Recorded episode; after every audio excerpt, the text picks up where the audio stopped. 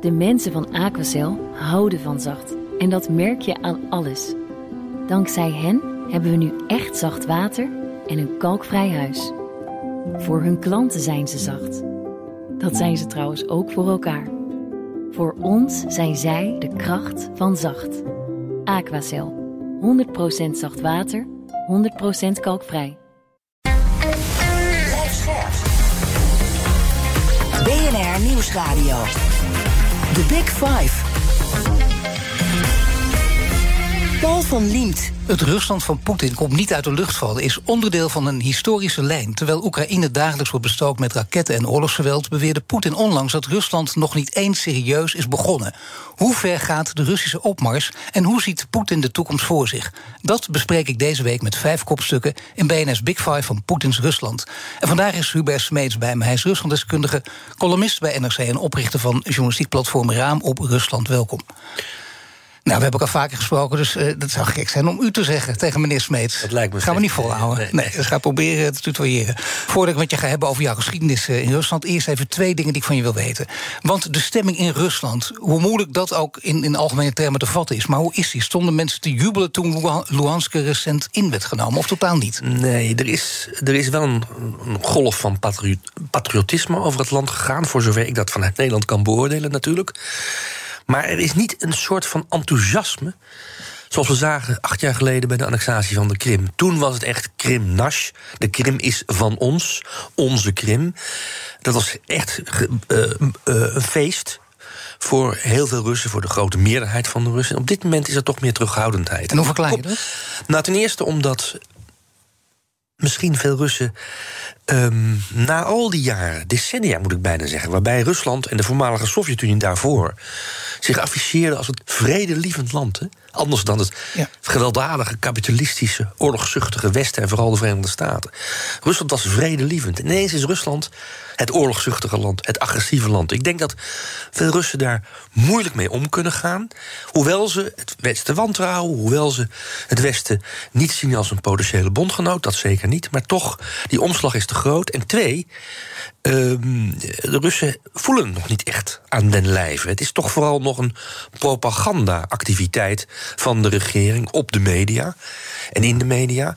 Maar aan den lijve voelt men het nog onvoldoende, zou je kunnen zeggen. Er zijn natuurlijk tal van economische signalen die op negatief staan, die op rood staan. Huizenprijzen bijvoorbeeld in Moskou zijn afgelopen half jaar met bijna 8% gedaald. Dat is vrij veel in een boomingstad als Moskou. Maar heel veel last hebben ze er nog niet van. De nee, want uh, JP Morgan zegt ook: de economische krimp 1,3 procent. Dat, dat, als je kijkt naar al die sancties, tot nu toe valt het dan mee. Ja, maar uh, wij kijken naar die sancties te veel met macro-economische ogen. Wij kijken naar wat doet de roebel.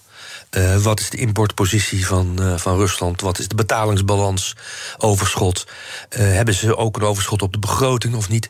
Daar moet je allemaal naar kijken. Maar je moet ook kijken naar de sectoren zelf die getroffen worden door de, door de sancties. En laat ik een voorbeeld noemen: de verkoop van de Lada. Ja, je zou kunnen ja. zeggen de Open Cadet van, ja. van Rusland. Die is de eerste half. Die, die is de afgelopen maand ingestort met bijna 80 procent. Uh, en op dat punt zie je natuurlijk wel de effecten. Want dat betekent dat de ladefabriek in Tolyatti, ver weg van Moskou, aan de Wolga, uh, dat die uh, problemen hebben. Dat er mensen ontslagen gaan worden. En dat misschien een hele stad, want Tolyatti is een stad waar maar één ding gebeurt, namelijk auto's maken. Dat misschien op termijn een hele stad straks werkloos wordt. En dan dan, gaan, dan krijg je andere, uh, andere signalen. Maar dat is goed om dit te zeggen, want ja. dat is inderdaad anders dan alleen maar die macro-economie. Ja. Dan ten tweede, je vindt ook, en dat heb je een paar keer gezegd, dat er te weinig oog is voor de Oekraïnse bevolking in het conflict. En dat experts te veel kijken met of een Russische of een westerse bril. Ja. Maar wat bedoel je daar precies mee? Nou, wat ik daarmee bedoel is heel simpel. In Oekraïne wonen 40, 45 miljoen mensen. Um, dat is een land wat dus drie, tweeënhalf keer groter is dan Nederland. Qua oppervlakte zelfs groter dan Frankrijk. Die hebben eigen opvattingen. Natuurlijk hebben ze, zijn ze het niet allemaal eens. Natuurlijk is er verschil van mening binnen die samenleving. Maar over één ding is de uh, Oekraïnse bevolking in meerderheid het wel eens. Namelijk dat het een soeverein land is. En dat een soevereine staat zijn eigen koers moet kunnen bepalen. Zijn eigen toekomst moet kunnen kiezen. En daar hebben we hetzelfde over in Nederland. We hebben het altijd over invloedssferen. We hebben het over als we nou die, die Russen uh, een stukje van het land geven. De Donbass met name. Dan zijn ze misschien koest. En dan kunnen wij de rest van de Oekraïne een beetje adopteren. Maar dat daar 40 miljoen mensen wonen met eigen opvattingen over hun eigen toekomst, dat verdwijnt in Nederland te vaak naar de achtergrond. Ja, goed dat je dit weer even zegt. En daar komen we zeker in dit gesprek ook nog op terug. Nou is de Donbass voor de helft veroverd. Oekraïne staat zelf ook terug. Bij Gerson is een, eh, een militair vliegveld verwoest met die nieuwe HIMARS. Een, een raketplatform dat flink ver en precies kan schieten. Daar, zijn de militairen het nog niet helemaal niet over eens. Die praten, ze geven af en toe wat andere meningen ook over. Maar toch, het is een behoorlijk stevig en strak wapen. Wat betekent dat? Biedt dat hoop voor Oekraïne? Nou, als dit eh, inderdaad uh, het gevolg is van die leveranties uit de Verenigde Staten, dan is Oekraïne in staat om uh, achter de frontlinies in Oekraïne zelf, want buiten Oekraïne mogen ze die wapens niet gebruiken. Dat is een van de voorwaarden die de Verenigde Staten hebben gesteld. Maar dan zijn ze in staat om binnen Oekraïne heel precies te mikken. En een, ja, de, de, het aantal burgerslachtoffers wat bij zo'n beschieting ook altijd meegenomen moet worden als risico te beperken. En dan zou de Oekraïnse strijdmacht wel in staat kunnen zijn en moeten zijn om een aangeval, de Russische opmars. Uh, uh, niet uh, te, terug te dringen, maar wel te voorkomen dat hij kan consolideren. Dat is denk ik de belangrijkste strategische uitdaging voor de Oekraïners op dit moment. Voorkomen dat Rusland de bezette gebieden normaal tussen aanhalingstekens, kan gaan besturen. Je moet permanent... Maar besturen wil zeggen wat, wat Poetin allemaal wil. Hè? Met Geef iedereen een Russisch met paspoort, noem maar op. Met Russische paspoorten, ja. met uh, Russische schoolboeken... met Russische pensioenen, met de Russische roebel uiteraard... als belangrijkste betalingsmiddel. Middel, en ook met uh, Oekraïns-Russische bestuurders die collaboreren met de bezettingsmacht. En ik denk dat de Oekraïnse strategie erop gericht is om dat ideaalbeeld van Rusland. Een normale bezettingsmacht. Uh, met kwieslings, zoals in Noorwegen tijdens de Tweede Wereldoorlog. Om dat te voorkomen. continu druk, die druk erop te houden dat Rusland niet kan verslappen, niet kan consolideren. En ook duidelijk te maken aan de potentiële kwieslings, de potentiële collaborateurs binnen de Oekraïnse samenleving. Want die zijn er uiteraard. Duidelijk ja. te maken aan die mensen. Pas op, jongens we hebben jullie in het vizier. En uh, na deze oorlog um, komen jullie voor de rechter. En dan. Dan zal dat niet prettig zijn. Ja, maar dan wel hopen. Ik wil voor het eind van, de, van, van, van het jaar, van dit jaar, zelfs de oorlog beëindigen. Wat Zelensky dan zegt, dat is heel snel. Uh, bijvoorbeeld, ik pak er nog een column voor jou erbij. Je citeert er ook een paar mensen die, die weten waar het over gaat. Uh, oude militairen uit Rusland ook. En die zeggen dan: nee, het kan wel 40 jaar duren, wen er maar aan. Dat is nogal een verschil. Dat is geen bandbreedte meer. Nee, dat is een enorm verschil. Maar je moet denk ik twee dingen onderscheiden. De, de oorlog als, als militaire confrontatie met leger, luchtmacht en vloot. En wat daarna komt. Uh, die, die, oorlog zou misschien inderdaad eind van het jaar voorbij kunnen zijn. Maar met welk vredesakkoord, met welke wapenstilstand. Ik heb geen flauw idee. Maar wat daarna komt. Dat gaat een generatie duren. Want nou ja, het is, dat, dat laat zich raden natuurlijk. Maar de Russische agressie in Oekraïne heeft dermate veel haat gezaaid en, uh, en verder ook gevoed in de Oekraïnse samenleving, dat ik denk dat zeker één generatie niet meer in vrede kan leven met het buurland Rusland. Ja, de militairen die spreken soms inderdaad over twee generaties. Dan zit je inderdaad op 40 jaar. Dat, ja. dat kan, dat zou kunnen. Nou is er nog iets. Uh, namelijk, uh, de discussie gaat ook heel veel uh, deze dagen over escalatie en de-escalatie. En daar zijn, voor beide is misschien wel wat te zeggen. Maar vanaf het begin, nou ik zou zeggen, de standpunten stevig ingenomen door de verschillende analisten. Ja. Waar, waar sta jij op dit gebied? Nou, ik, zit, ik, ik ben natuurlijk waarnemer van buiten. Ik zit hier in Nederland. Mijn positie is eigenlijk heel simpel, voor zover ik er iets over te zeggen heb. Het is aan de Oekraïners zelf om te bepalen wanneer zij zeggen. Dit redden we niet meer, dit kunnen we niet meer dragen. Nu moeten we inbinden, nu moeten we misschien zelfs capituleren. Maar dat is zeker niet aan uh, commentatoren voor en in Nederlandse radiostudio's. Nou nee, maar niet alleen in Nederlandse radiostudio's. Uh, mag ik ook nog eventjes een, uh, een eminente uh, geopolitieke denker en, en activist, zou ik bijna zeggen, erbij halen. Namelijk Henry Kissinger, die, die bijna hetzelfde beweert. Ja, zeker. Dat is ook, dat is ook een Land hele school. Land voor vrede. Dat is, een, dat, is een, dat, is een, dat, is een, dat is een hele school in Nederland. Um, ook, hè, dus er zijn heel veel kleine mini-Kissingers. kleine ja. Henrys in ja. Nederland. Ook vaak in de radio-studio's trouwens te vinden die school van Kissinger die redeneert in een 19e-eeuwse manier. Die, die denkt in invloedssferen, die denkt je hebt grote mogendheden. En dat zijn in deze wereld de mogendheden met een kernwacht. En je hebt kleine landen en die moeten zich voegen naar die grote mogendheden. En Kissinger is daarbij uitstek een representant voor. Het is ook geen toeval dat Kissinger gepromoveerd is op, um, op de Oostenrijkse uh, kanselier Metternich, die in 1815, 1814, 1815 in het Weense congres het uh, post-Napoleontische Europa Ja. helemaal heeft herschikt. Met één uitkomst, namelijk dat alle kleinere volken, de Hongaren, de Polen, de Roemenen, eh, de Belgen, geen plaats hadden in het nieuwe Europa. Die moesten zich allemaal onderschikt maken aan de grote mogendheden en de Belgen ook een beetje aan de Nederlanders. Omdat nu uiteindelijk dat zegt tijd- deze school, het is nou eenmaal het machtsdenken. Dat is nu eenmaal het machtsdenken. Alleen er is sinds 1815 iets gebeurd. We zijn nu 200 jaar verder, ruim.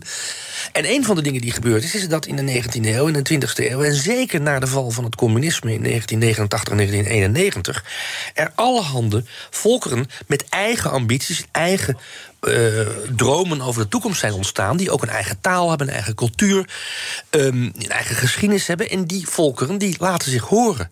En dat zijn ook Oekraïners. En daar moeten we mee leren leven. En als we dat niet kunnen, dan komen we terecht in die Kissinger-wereld van, eh, van de vroege 19e eeuw.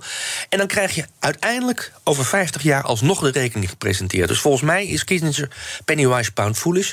Hij schuift de rekeningen vooruit en denkt van tegen die tijd ben ik dood, zoek hem op volgens maar uit. Ja, dat moet haast wel, want inmiddels is hij geloof ik eh, Ja, 99, ja, 98. ja, Nee, dat is, ja. dat is in ieder geval een zekerheidje.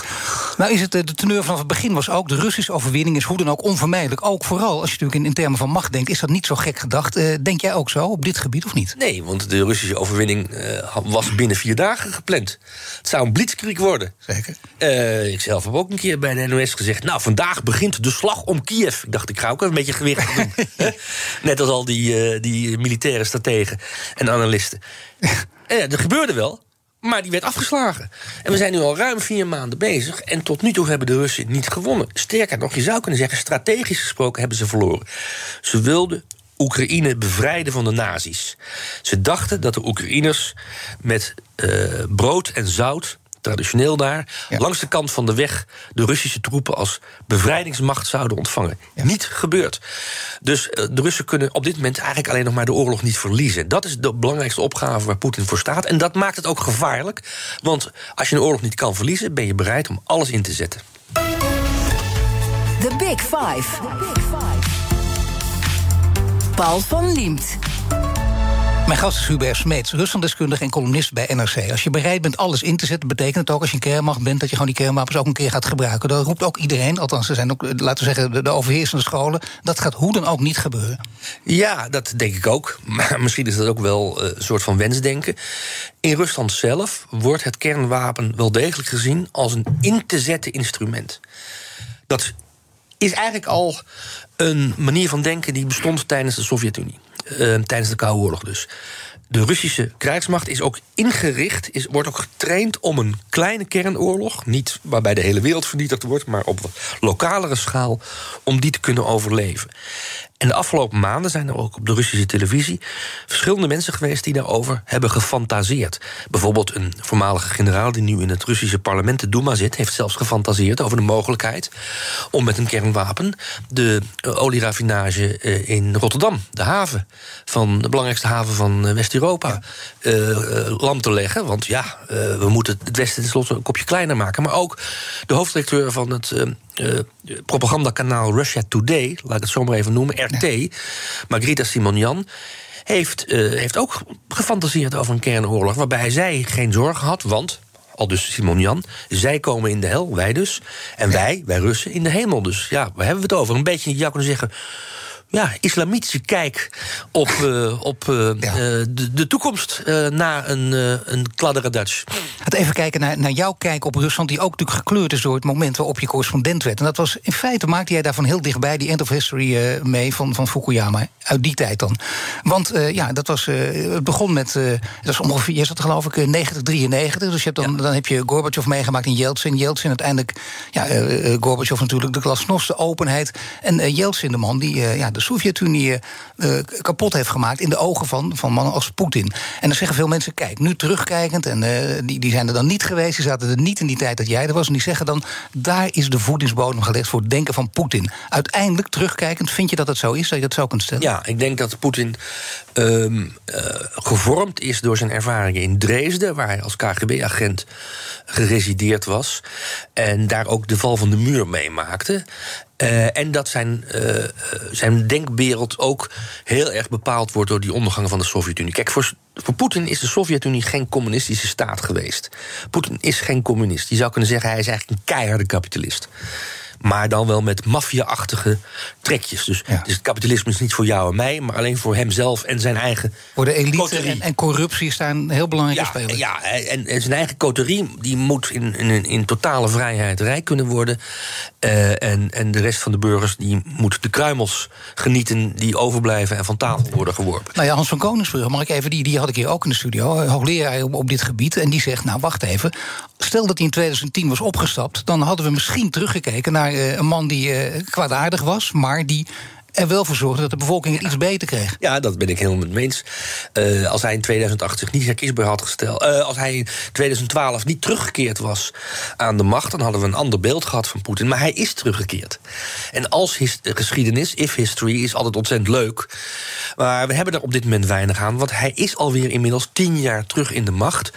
En dat hij terugkwam, in 2012 heeft vermoedelijk iets te maken met het feit dat hij, Poetin, um, ja, de, de, de capo die capo was van een hele groep die belang bij hem had. Uh, ter wille van de eigen uh, economische positie, van, ter wille van de eigen vermogensbelangen, et cetera. Um, en daarom um, moeten we, denk ik, Poetin in tweeën knippen. De Poetin tot 2008 waarover ja. Van Koningsbrug het heeft. Dat is de Poetin die probeerde, en met, met recht ook wel, een einde te maken aan de chaos waarin Rusland vervallen was onder Yeltsin. Het gebrek aan zelfvertrouwen wat de Russische bevolking ook had. Uh, dat is de Poetin die we kunnen begrijpen. Uh, los van de vraag of we zijn democratische geloofsbrieven helemaal uh, tot onze willen nemen. En dan hebben we de Poetin die terugkeert na 2012 en in plaats van de teugels laat vieren, juist de repressie opvoert. Opvoert tot een niveau zoals we eigenlijk sinds nou, sinds Brezhnev zeker, en dan druk ik me nog mild uit, ja. niet meer hebben meegemaakt in Rusland. En die tweede Poetin is de Poetin die oorlog voert. Dat is de Poetin die ons probeert, ook ons in het Westen, um, openlijk probeert kapot te maken met deze oorlog. Dat zegt hij zelf, dat verzin ik niet, dat zijn woorden. Ja, kapot maken, uitspelen, dat zijn alle tactieken die hij tot zijn, uh, in ieder geval, die, die hij ja, die, die ter beschikking heeft. Die gebruikt hij allemaal, die zet hij ook bijna allemaal in. Chaos in Europa veroorzaken. Dat lukt nu en dat gaat hem nog meer lukken denk je, als je kijkt wat er nu gebeurt? Nou, dat weet ik niet. Het, uh, maar hij heeft wel heel veel uh, goede papieren in handen. Hè. Er zijn tal van landen in Europa waar de Poetinistische stroming, de hele of halve Poetinistische stroming, vrij sterk vertegenwoordigd is in, het parlement. Denk aan Nederland. Wij hebben hier, uh, nou ja, bijna 20% van de zetels in de Tweede Kamer is in handen van partijen die Poetin niet heel erg hard afvallen, of zelfs Forum voor Democratie, openlijk toejuichen. Uh, en dan kan je zeggen, ja, dat is geen meerderheid... en bij lange dagen geen meerderheid zelfs. Het heeft wel degelijk effect, denk ik, op de stabiliteit van de Nederlandse parlementaire democratie. Uh, dat geldt ook voor Frankrijk. Hè. Het is geen geheim dat Poetin de grote aanhanger was van Marine Le Pen. Ja. Nou, die haalde een tweede ronde. En die haalde in die tweede ronde meer dan 40% van de stemmen. Dan heb je het echt over een substantieel deel van het Franse electoraat.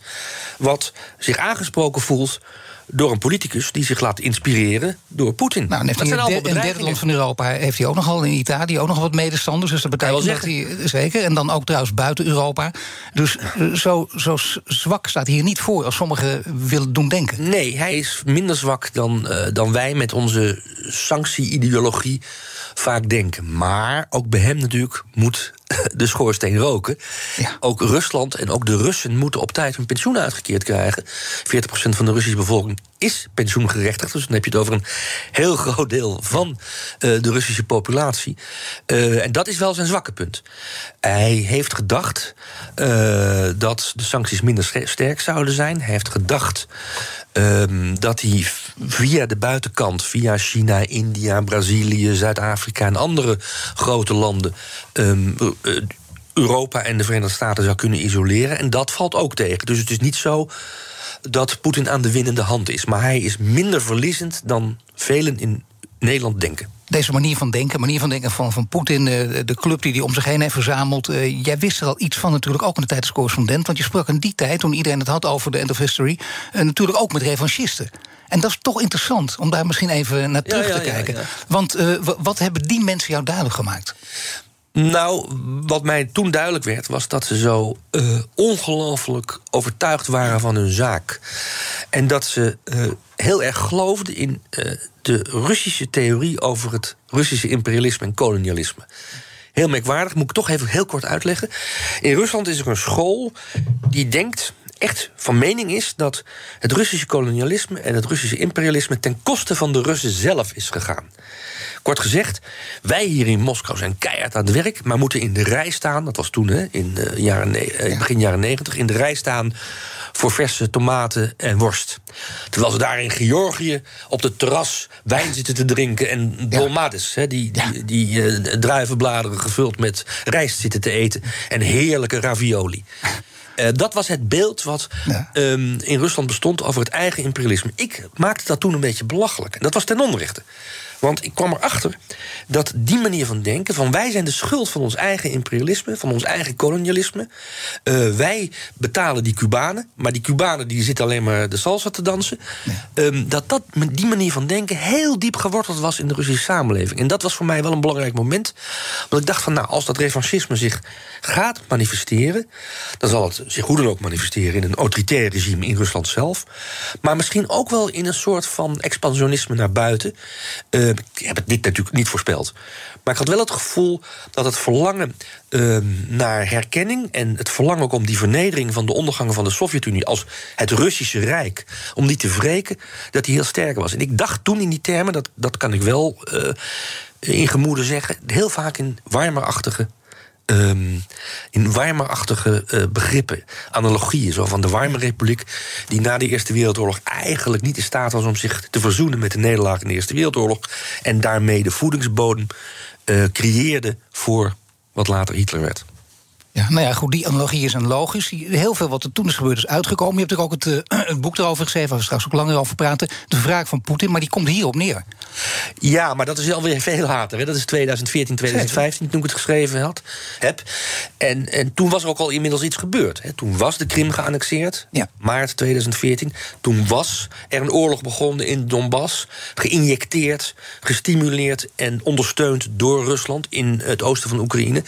Dus toen hadden we meer kennis dan uh, begin jaren 90. Morgen dan is Han Bouwmeester, kolonel en universitair hoofddocent militaire strategie aan de Nederlandse Defensie Academie te gast. Abonneer je op onze podcast via je favoriete podcastkanaal om geen aflevering te missen. En straks praat ik verder met historicus en Ruslandkenner Hubert Smeets een beetje over de lijn waar we nu uh, mee begonnen zijn, over waar Poetin heen wil met Rusland. Blijf luisteren. Ik ben Olivier van Solft. Betaalt u te veel huur of huurt u te veel kantoorruimte?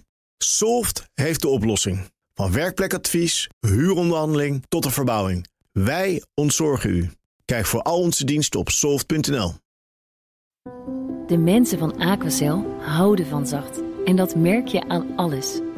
Dankzij hen hebben we nu echt zacht water en een kalkvrij huis. Voor hun klanten zijn ze zacht. Dat zijn ze trouwens ook voor elkaar. Voor ons zijn zij de kracht van zacht. Aquacel. 100% zacht water, 100% kalkvrij. BNR Nieuwsradio. The Big Five. Paul van Liemt. Welkom bij het tweede half uur. Deze week vijf kopstukken uit de wereld van Poetins Rusland. Eerder deze week sprak ik over Rusland met Hans van Koningsbrugge... hoogleraar geschiedenis en politiek van Rusland. Terug te luisteren via de BNR-app. Te gast is Hubert Smeets, Ruslanddeskundige columnist bij NRC. Komend half uur wil ik in ieder geval nog twee onderwerpen met je bespreken... namelijk de toekomst van Rusland, uiteraard zou ik zeggen... en het denken van Poetin. En uh, laten we daar eerst even mee beginnen. Want ja, er zijn natuurlijk mensen, uh, jij kent hem ook nog... Uh, de geweldige interviewer Ischa Meijer... die altijd in de hoofden wilde kijken van uh, papi, mami... en ook liefst opa en oma. Bijvoorbeeld, Poetins opa was kok voor Lenin en Stalin. Zijn familieleden vochten en stierven in de Tweede Wereldoorlog. En dat zegt heel veel over hem, hè? Dat hij communisme met de paplepel kreeg ingegoten, letterlijk. Dat speelt allemaal een grote rol. Vind je die manier van denken bepalend... of kun je beter een andere manier van denken hierop loslaten? Ja, ik denk dat je niet het communisme centraal moet stellen... in zijn manier van denken, maar het groot-Russische denken... en het denken uh, over en in de termen van de geheime dienst KGB. De KGB werd gezien in de Sovjet-Unie als schild en zwaard van de staat, van het grote Sovjetrijk. Ja. En het grote Sovjetrijk in de ogen van Poetin is een ander woord voor het historische Rusland. Het imperialistische Rusland, wat zich uitstrekte van Warschau in de 19e eeuw tot Vladivostok, van Helsinki tot Tashkent. Ja. Uh, de KGB was het schild en het zwaard om dat rijk te beschermen. Weliswaar was het toen iets kleiner, maar toch. En um, hij ziet zichzelf dus als een geheime dienst, een geheim agent in dienst van een imperium dat groter is dan hemzelf, maar, zoals altijd met keizers, ze willen bijna net zo groot zijn als het rijk dat ze leiden. En dan betekent het, dan wordt het nog duidelijker dat hij ontzettend kwaad is op Yeltsin. Dat hij denkt: wat gebeurt hier? Dit is echt waanzinnig. De Sovjet-Unie wordt hier gewoon kapot gemaakt. Uh, opgeknipt gebeurt ja, ook. Daarna met. Ja, maar dat is wel gek, want tegelijkertijd was op dat moment Poetin um, actief als, ja, je zou kunnen zeggen, wethouder voor buitenlandse betrekkingen. Ja. Uh, in Leningrad, later Petersburg. Uh, voor een burgemeester die juist een bondgenoot was van Yeltsin. Maar dat past toch bij dit volledig opportunistische denken van Poetin, of niet? Ja, het past, uh, nou, het past bij, op dat moment bij Poetin als een man die ook zijn weg zocht. En al heel snel, en dat is denk ik wel bepalend voor zijn rol als capo, capo di capi binnen het systeem, binnen het mafioze systeem dat Rusland nu leidt, bestuurt, regeert. Uh, in die tijd heeft hij ook um, zich verdienstelijk gemaakt uh, met enige ironie gebruik ik het woord verdienstelijk, verdienstelijk. In de zin zoals uh, de latere oligarchen zich ook verdienstelijk hebben gemaakt. Hij was toen uh, een van de grote leiders, een van de grote managers van een project dat heette Olie voor Voedsel. En het idee was om te voorkomen dat de Petersburgse bevolking honger zou lijden door. Um, door olie uit Rusland te ruilen uh, voor basisvoorzieningen, basis uh, uh, voor voedsel bijvoorbeeld, voor de gewone burgers van de stad. bij deze ruilhandel ging ongelooflijk veel mis in de zin van corruptie. Het was eigenlijk het begin van een, een kleine groep oligarchen die zich later verenigden in een dacha-park buiten Moskou, waar ze inmiddels allemaal cottages en nog chicere huizen hebben gebouwd. en dat zijn allemaal mensen die, zich, die elkaar toen hebben leren kennen en toen vuige zaakjes hebben gedaan in dat olie voor voedsel programma van begin jaren negentig. En Poetin was daar een centrale figuur in. Alle mensen die daar toen rijk zijn geworden, en Poetin waarschijnlijk heeft ook zijn eerste centjes verdiend um, met, met, met dat programma. Alle mensen die toen rijk zijn geworden, die verzamelen zich nog steeds rondom Poetin. En die zet Poetin ook nog steeds in. Dus dat vind ik een belangrijker moment dan het communisme als als ideologie. Nee, zeker als je naar de situatie kijkt, dat is er nu nog steeds inzet. En, en heel veel mensen dachten ook weer, en, en, veel analisten ook, maar die oligarchen die laten hem nu keihard vallen. Want die zien dat, dat al die bezittingen waar het hen ook om te doen is, die, die worden ze ontnomen.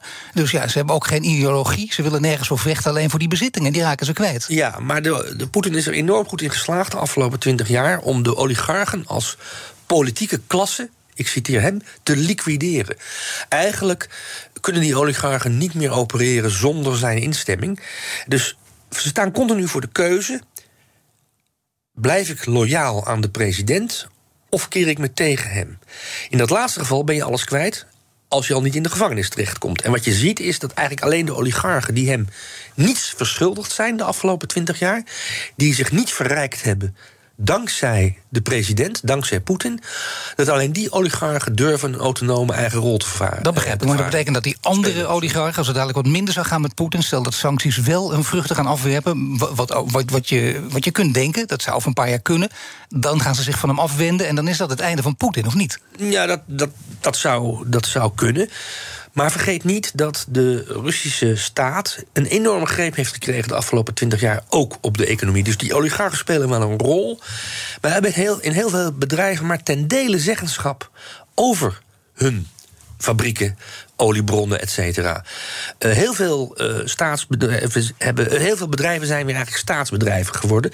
En dat leidt ertoe dat bijna driekwart van de Russische bevolking direct of indirect eigenlijk afhankelijk is van de staat. En dat maakt de rol van oligarchen als vrije kapitalisten uh, met een eigen uh, positie in de samenleving kleiner. Dus ik ben zelf eigenlijk niet van de school die denkt: nou, als die oligarchen zich en masse tegen het Kremlin keren dan valt Poetin. Ik denk nee, dat het- vanwege dat argument, Ja, dat begrijp ik. ja. Nou schreef eh, Poetin voor zijn eerste verkiezing als president al over een Rusland dat op eigen benen kon staan. Daar had hij het toen in die tijd al over. En toen dacht hij waarschijnlijk ook al na over een grote Russische rijk. Of is dat pas later begonnen? Nou, in mijn idee is het pas later begonnen. Toen hij begon als president in, 19, eh, in 1999-2000... toen be- bedoelde hij met een, een Rusland op eigen benen kan staan... vooral een Rusland dat minder afhankelijk zou zijn... van de export van olie en gas en andere grondstoffen... en meer gebruik zou maken van de hoogopgeleide eigen Russische bevolking. Dat was de belofte die hij in 2000 deed... bij de, de eerste presidentsverkiezingen die hij toen glorieus won. Die belofte heeft hij niet waargemaakt. Rusland lijdt nog steeds aan de zogenaamde Hollandse ziekte, zoals het ook daar, eh, daar heet. Ja. Eh, profiteren van de grondstoffen onder de grond en die boven de grond potverteren, om de oude Wiegel te citeren. Ja, nee, dat, inderdaad. Komt Wiegel ook nog even hier te sprake. Had ik niet verwacht trouwens, Hubert, maar dat is grappig, ja. Je schreef het boek, De Wraak van Poetin, wat ik, wat ik zojuist al even aanhaalde. Maar op wie neemt hij dan precies wraak? Want Op de geschiedenis. En dat, is, dat kan natuurlijk niet, want de geschiedenis bestaat niet. En je kan niet met de geschiedenis praten. Je kan hooguit alleen de geschiedenis interpreteren. Maar in de ogen van Poetin is er in 1991 iets onvergeeflijks gebeurd. Namelijk de ondergang van dat historische Russische Rijk.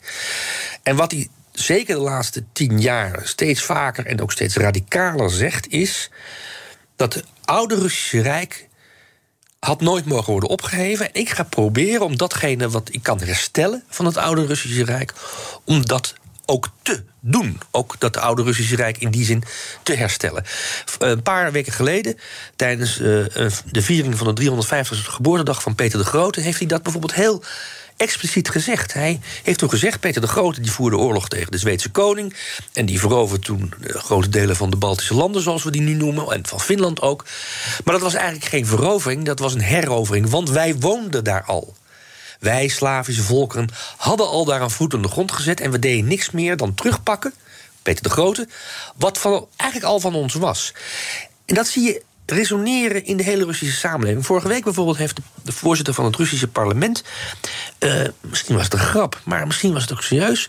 gezegd dat ook de Amerikanen zich zorgen moeten maken... omdat tenslotte het Russische Rijk eind 19e eeuw... Alaska verkocht heeft aan de Verenigde Staten.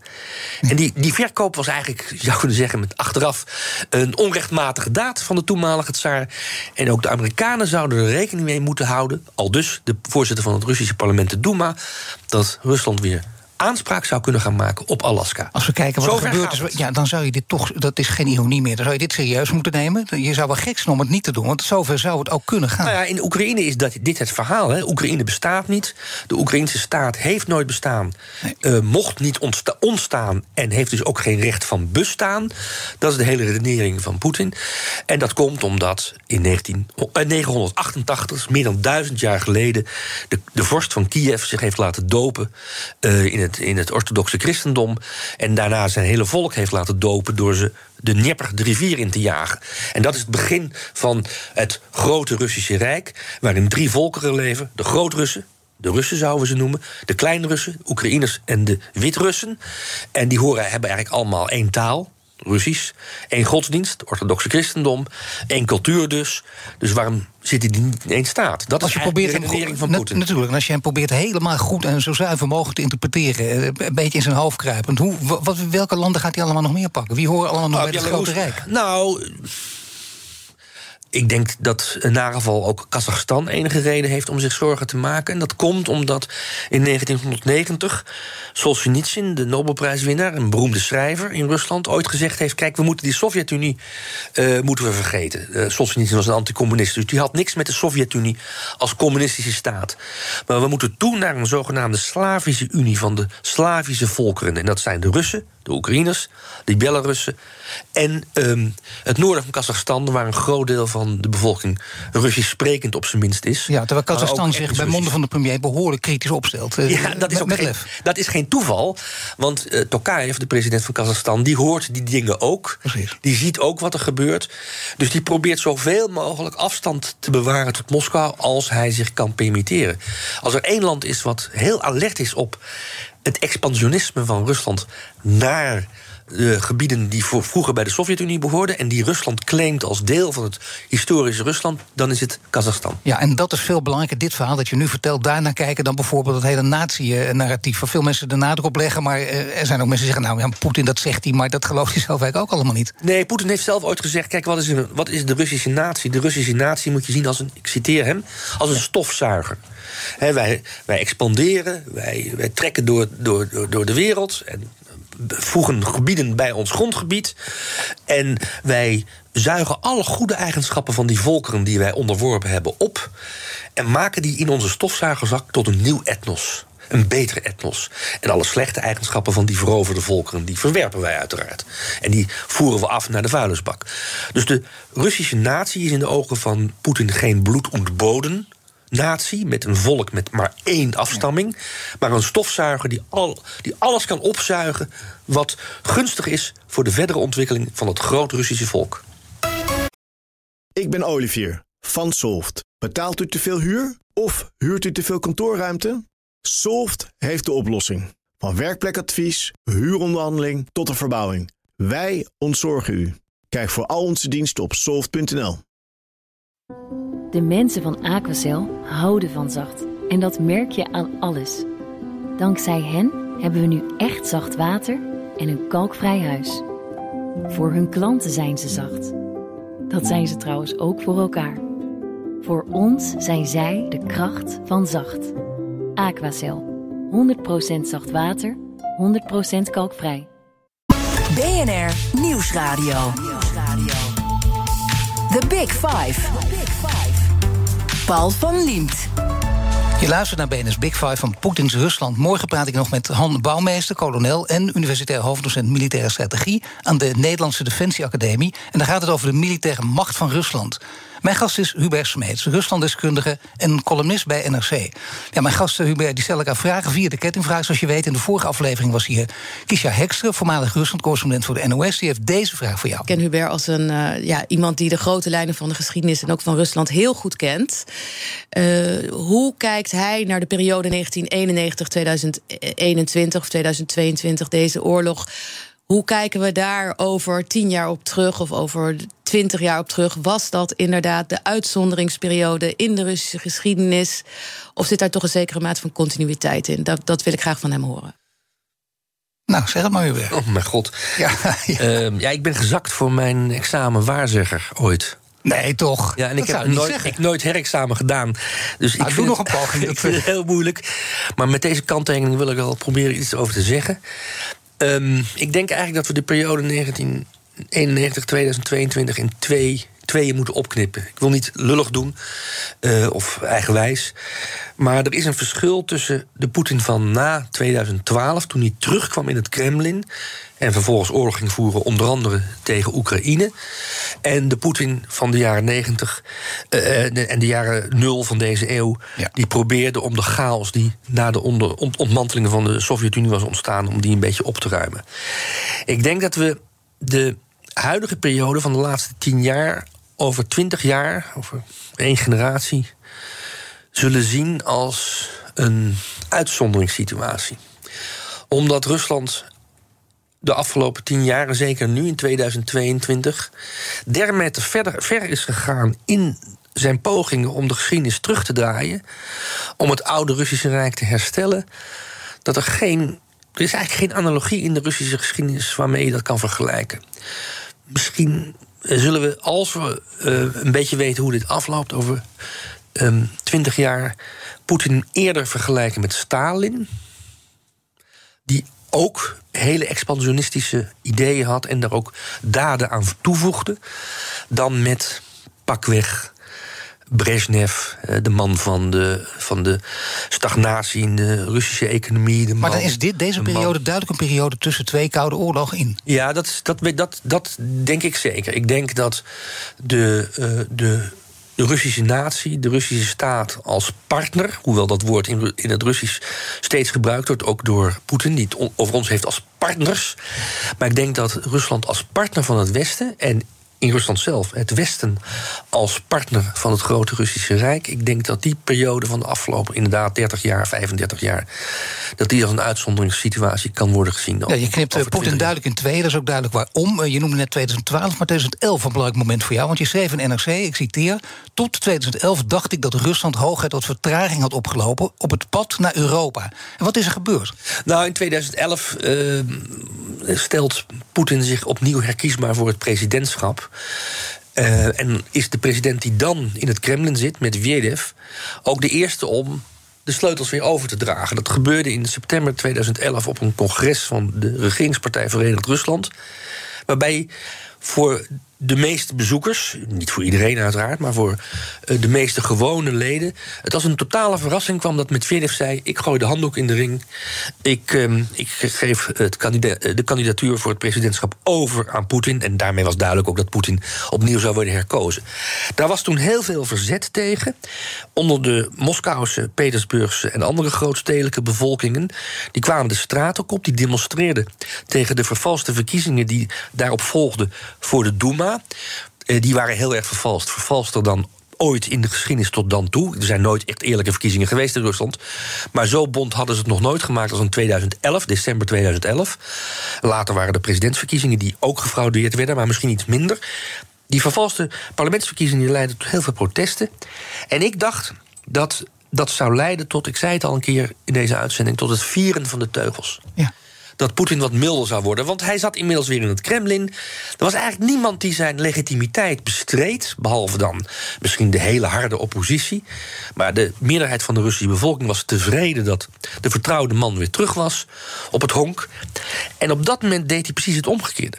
Hij begon die campagne van repressie. Met wetgeving, met harde politieacties, eh, met gevangenisstraffen. Maar dat is echt belangrijk om te kijken ook wat hij nu in de toekomst gaat doen... om te weten waarom hij daar opeens anders is gaan denken. Ja, en ik denk dat Wat dat komt. trigger? Nou, ik denk dat dat komt omdat ehm, in het systeem dat hij gebouwd had, met al die loyale oligarchen, met mensen die altijd een deel van de winst moeten afstaan aan hem, buiten de officiële belastingkanalen om, dat hij heel goed doorhad en heeft dat dat systeem eigenlijk geen compromissen met de bevolking kan tolereren. Want wanneer je ruimte geeft aan de bevolking, wanneer je zelf een kleptocratie runt.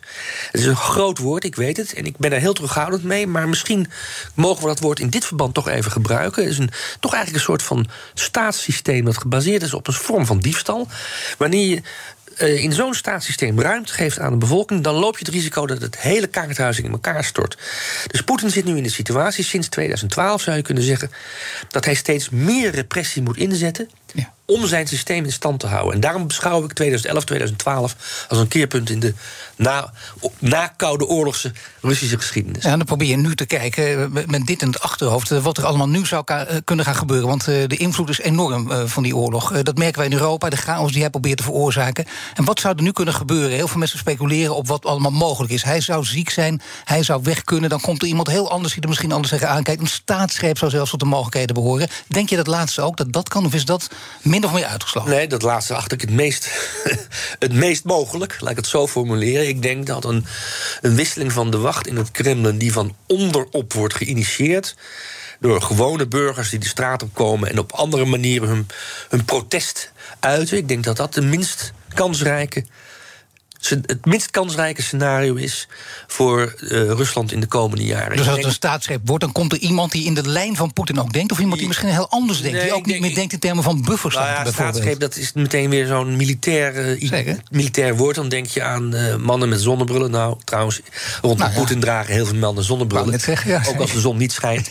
Maar ehm, ik denk dat al, eh, als er zoiets ge- gebeurt als een coup... dan zal het een paleiscoup zijn, al niet ondersteund... door gewapende machten uit de, uit de geheime dienst en de krijgsmacht. En dan zal je dus een, een, een wisseling van de wacht krijgen binnen de elite. En dat kan alleen dat is alleen denkbaar wanneer binnen die elite een, een grote groep, een meerderheid zou je kunnen zeggen, het gevoel heeft dat ze meer te verliezen hebben bij voortzetting van de huidige koers dan te winnen. Ik weet niet of het zover is, maar dan zou je zo'n wisseling van de wacht kunnen krijgen. Maar dan komt er ook een hele andere koers. Ik bedoel, want dat, dat is het toch. Nou. dan, dan wordt er dus anders gedacht over. Dan wordt er niet meer in termen van bufferstaten gedacht. Nou, ik denk dat dat in Rusland altijd een, Ja. een belangrijke manier van denken zal blijven. Maar dan zou, zou, nu ben ik heel optimistisch misschien. Dan zou zo'n nieuwe machthebber in het Kremlin kunnen zeggen: Nou, laat ik eerst proberen mijn buitenlandse avonturen een beetje eh, af te bouwen. Want die kosten me te veel geld en die leveren me te veel vijandschap op. Ja. Maar de keerzijde daarvan zou kunnen zijn dat hij in het binnenland juist harder moet toeslaan. om elke vorm van verzet tegen die nieuwe macht de kop in te drukken. Dus dan krijg je een soort van. ja, een soort van autoritaire, dictatoriale staat in Rusland zelf. die naar buiten toe ietsje terughoudender, ietsje milder optreedt dan de afgelopen vier maanden. Je hebt antwoorden gegeven. Je mag nu een vraag stellen via de kettingvraag. Een korte, bondige vraag aan Han Bouwmeester, kolonel, universitair hoofddocent militaire strategie in de Nederlandse Defensie Academie. Wat is je vraag? Ja, mijn vraag aan bouwmeester is: vanaf dag vier van de oorlog tegen Oekraïne klonken er in Nederland op radio en televisie stemmen dat Oekraïne niet moest deescaleren, dat het Westen niet moest, eh, moest escaleren, dat Oekraïne moest deescaleren en misschien zelfs moest capituleren. Want dat was mijn idee. Dat hadden wij in 1940 ook na vijf dagen gedaan. Dat is niet gebeurd. Waarom denkt kolonel Bouwmeester dat de Russische Ehm, pardon. Waarom denkt bouwmeester dat de Oekraïense bevolking en de Oekraïense legerleiding en de Oekraïense president niet hebben geluisterd naar de pleidooien vanuit Nederland om te deescaleren en misschien zelfs te capituleren? Wat is er anders in Oekraïne dan in Nederland? Ik dank je, Hubert Smeets, Oost-Europa-deskundige, columnist bij NRC... medeoprichter van Raam op Rusland. Alle afleveringen van BNS Big Five zijn terug te luisteren. Abonneer je op onze podcast via onze app of je favoriete podcastkanaal... om geen aflevering te missen. En nu Iwan Verrips met BNN Breed. Dag. Ik ben Sylvia van Solft. Betaalt u te veel huur of huurt u te veel kantoorruimte? Solft heeft de oplossing. Van werkplekadvies, huuronderhandeling tot een verbouwing, wij ontzorgen u. Kijk voor al onze diensten op soft.nl.